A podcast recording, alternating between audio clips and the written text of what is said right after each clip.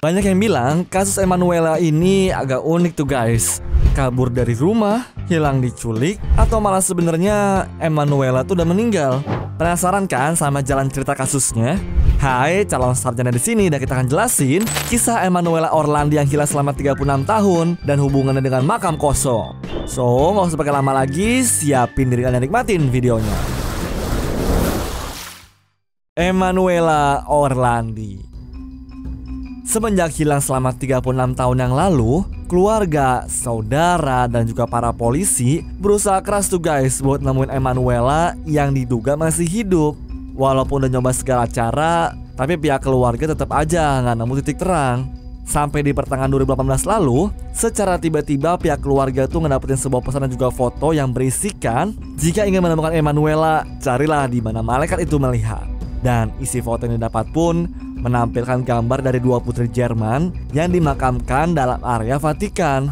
Eits, sebelum dilanjutin, mending aku jelasin dulu ya asal-usul dan kronologi hilangnya Emanuela. Lahir di tanggal 14 Januari 1968, Emanuela merupakan anak dari Ercole dan Maria Orlandi, di mana dia menjadi anak keempat dari lima bersaudara. Ada Pietro, Natalina, Federica, dan yang terakhir Maria Cristina. Karena diduga ayahnya bekerja sebagai karyawan Bank Vatikan atau pegawai rumah tangga Paus, maka satu keluarga Orlandi bisa bebas tinggal di dalam Vatikan. Banyak yang bilang bocah berumur 15 tahun itu merupakan anak baik-baik, rajin dan bukan pembuat onar. Makanya di hari Emanuela izin buat pergi les suling, orang tua, kakak, dan adiknya pun gak ada yang curiga sama sekali. Di hari Emanuela hilang, dia malah telat berangkat bahkan sampai minta kakaknya Pietro buat nemenin naik bus ke tempat musik. Sayangnya di momen itu Pietro punya acara lain sehingga nggak bisa nemenin si Emanuela. Hal tersebut sampai sekarang masih aja ngehantuin si Pietro. Tapi bukan berarti Emanuela hilang pas di perjalanan ya. Setelah les musik selesai pun, Emanuela masih sempat menelpon ke rumah buat ngobrol sama kakaknya ngomongin tentang keterlambatannya tadi dan juga ngasih tahu kalau dirinya dapat tawaran kerja sebagai representatif Avon Kosmetik. Kakaknya pun bilang, bukannya pulang seperti biasa, Emanuela malah menghilang dan gak kasih kabar apa pun.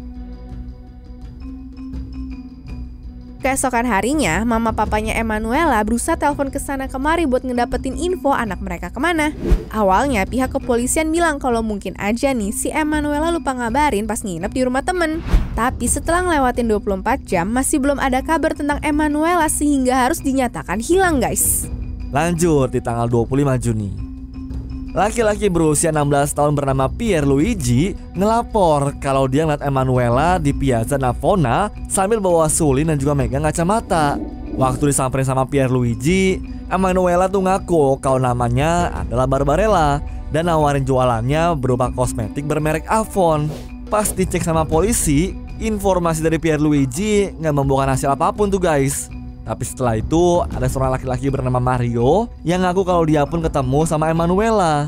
Kebetulan si Mario ini punya bar di dekat Ponte Vittorio. Nah buat kalian yang nggak tahu guys, daerah itu ada di antara Vatikan sama tempat les musik Emanuela.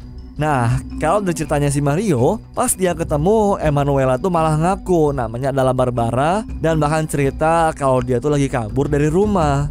Tapi katanya sih nanti dia bakal balik pas saudaranya tuh menikah. Langsung aja informasi tersebut ditelusuri tuh sama pihak polisian. Cuma sayangnya informasi ini tetap nggak memberikan hasil apa pun. Ya karena belum ada hasil menjanjikan Di tanggal 30 Juni Seenggaknya udah ada 3000 poster muka Emanuela Yang ditempel di sekitar Roma Terus abis itu di tanggal 3 Juli Paus John Paul II membuat pernyataan untuk mengajukan banding pada siapa pun yang mengambil Emanuela. Karena omongan Paus tadi, pertama kalinya tuh Emanuela digambarkan menjadi korban penculikan, bukanlah anak yang lari dari rumah. Dua hari setelah itu guys, ada seorang laki-laki dengan aksen Amerika yang menelpon keluarga Orlandi buat negosiasi tukar anaknya sama Mehmet Ali Akca. Nah, buat kalian yang nggak tahu, Akca itu pernah menembak Paus John Paul II pada bulan Mei 1981. Di dalam teleponnya itu, si laki-laki yang dijuluki di Amerika ini sambil ngasih rekaman suara Emanuela buat dijadiin sebagai bahan bukti. Bahkan beberapa jam setelahnya, dia nelfon lagi dan bilang kalau saksi Pierre Luigi sama Mario tuh merupakan salah satu suruhan orang mereka dari dalam organisasi. Di tanggal 6 Juli, Para polisi pun menyatakan kalau Emanuela sama Akca ini nggak punya hubungan sama sekali. Setelah lewat beberapa tahun dan belum ada petunjuk lagi tentang keberadaan Emanuela, banyak orang jadi mikir dan munculin teori konspirasi ke mana perginya si Emanuela. Yang pertama, teori ini berasal dari Akca sendiri, di mana dibilang kalau Emanuela ditangkap sama Grey Wolves, organisasi yang dulunya dia ikutin sebelum masuk penjara. Menurut Akca, Emanuela sampai sekarang masih hidup dan cuma dititipin ke sebuah biara, guys. Tapi karena Akca sering berbohong, para polisi jadi mikir kalau semua omongan dia tuh nggak ada yang benar. Lagian nih ya, Akca juga nggak memberikan bukti apa pun yang ngaitin dia sama Emanuela.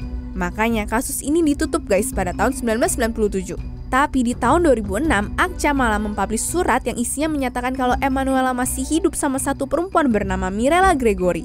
Anehnya, Mirella Gregory juga merupakan seorang anak perempuan yang hilang di Vatikan. Tapi kalau Emanuela hilangnya tanggal 22 Juni, Mirella malah 40 hari lebih awal. Kalau kata Akca sih, dia nyulik dua anak itu sebenarnya buat dijadiin rencana biar bisa bebas dari penjara. Lagi-lagi, hal tersebut dianggap sebagai omong kosong sama pihak kepolisian.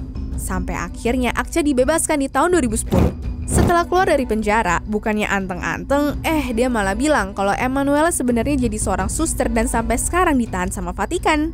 Tapi orang tua dia bisa jenguk kapan aja selama Emanuela nggak pergi keluar. Gak cuma itu aja guys. Bahkan ada juga teori yang menyatakan kalau Emanuela sebenarnya diculik oleh para polisi Vatikan untuk dipakai terus dibuang ataupun dibunuh. Setelah keluarga Orlandi harus ngerasain itu semua, mereka coba bisa berharap kalau Emanuela tuh masih hidup di luar sana. Tiba-tiba aja di pertengahan tahun 2018 ada sebuah pesan dan juga satu foto yang menyatakan kalau Emanuela tuh sebenarnya terkubur dalam makam kuno. Langsung aja tuh pihak keluarga memohon ke Vatikan buat ngizinin mereka ngebuka makam tersebut. Awalnya sih ya nggak diizinin, bahkan nggak direspon juga tuh guys. Tapi pada tanggal 10 Juli 2019, pihak Vatikan itu mengatakan kalau mereka bakal membuka makam putri Jerman itu. Sambil dak dikduk, taunya pas udah dibuka, makam tersebut malah kosong dong. Bahkan sisa tulang para putri Jerman pun nggak ada tuh guys. Kakaknya si Pietro bilang ke media kalau dia ngebayangin bakal nemu tulang, pakaian, atau apa pun. Bukan malah ngedapetin makam yang kosong tanpa tulang. Tapi di satu sisi dia pun merasa bersyukur tuh guys Karena berarti ada harapan kalau Emanuela ini masih hidup di luar sana Ya walaupun sampai sekarang gak ada yang tahu siapa yang ngasih petunjuk buat ngebuka makam kosong itu guys Ya mending kita doain aja ya Di umur Emanuela yang sudah ke 52 tahun ini Semoga dia bisa pulang ke keluarganya secepat mungkin Amin Anyways, cukup sampai di sini ya guys video hari ini. Sampai jumpa di video selanjutnya. Dah.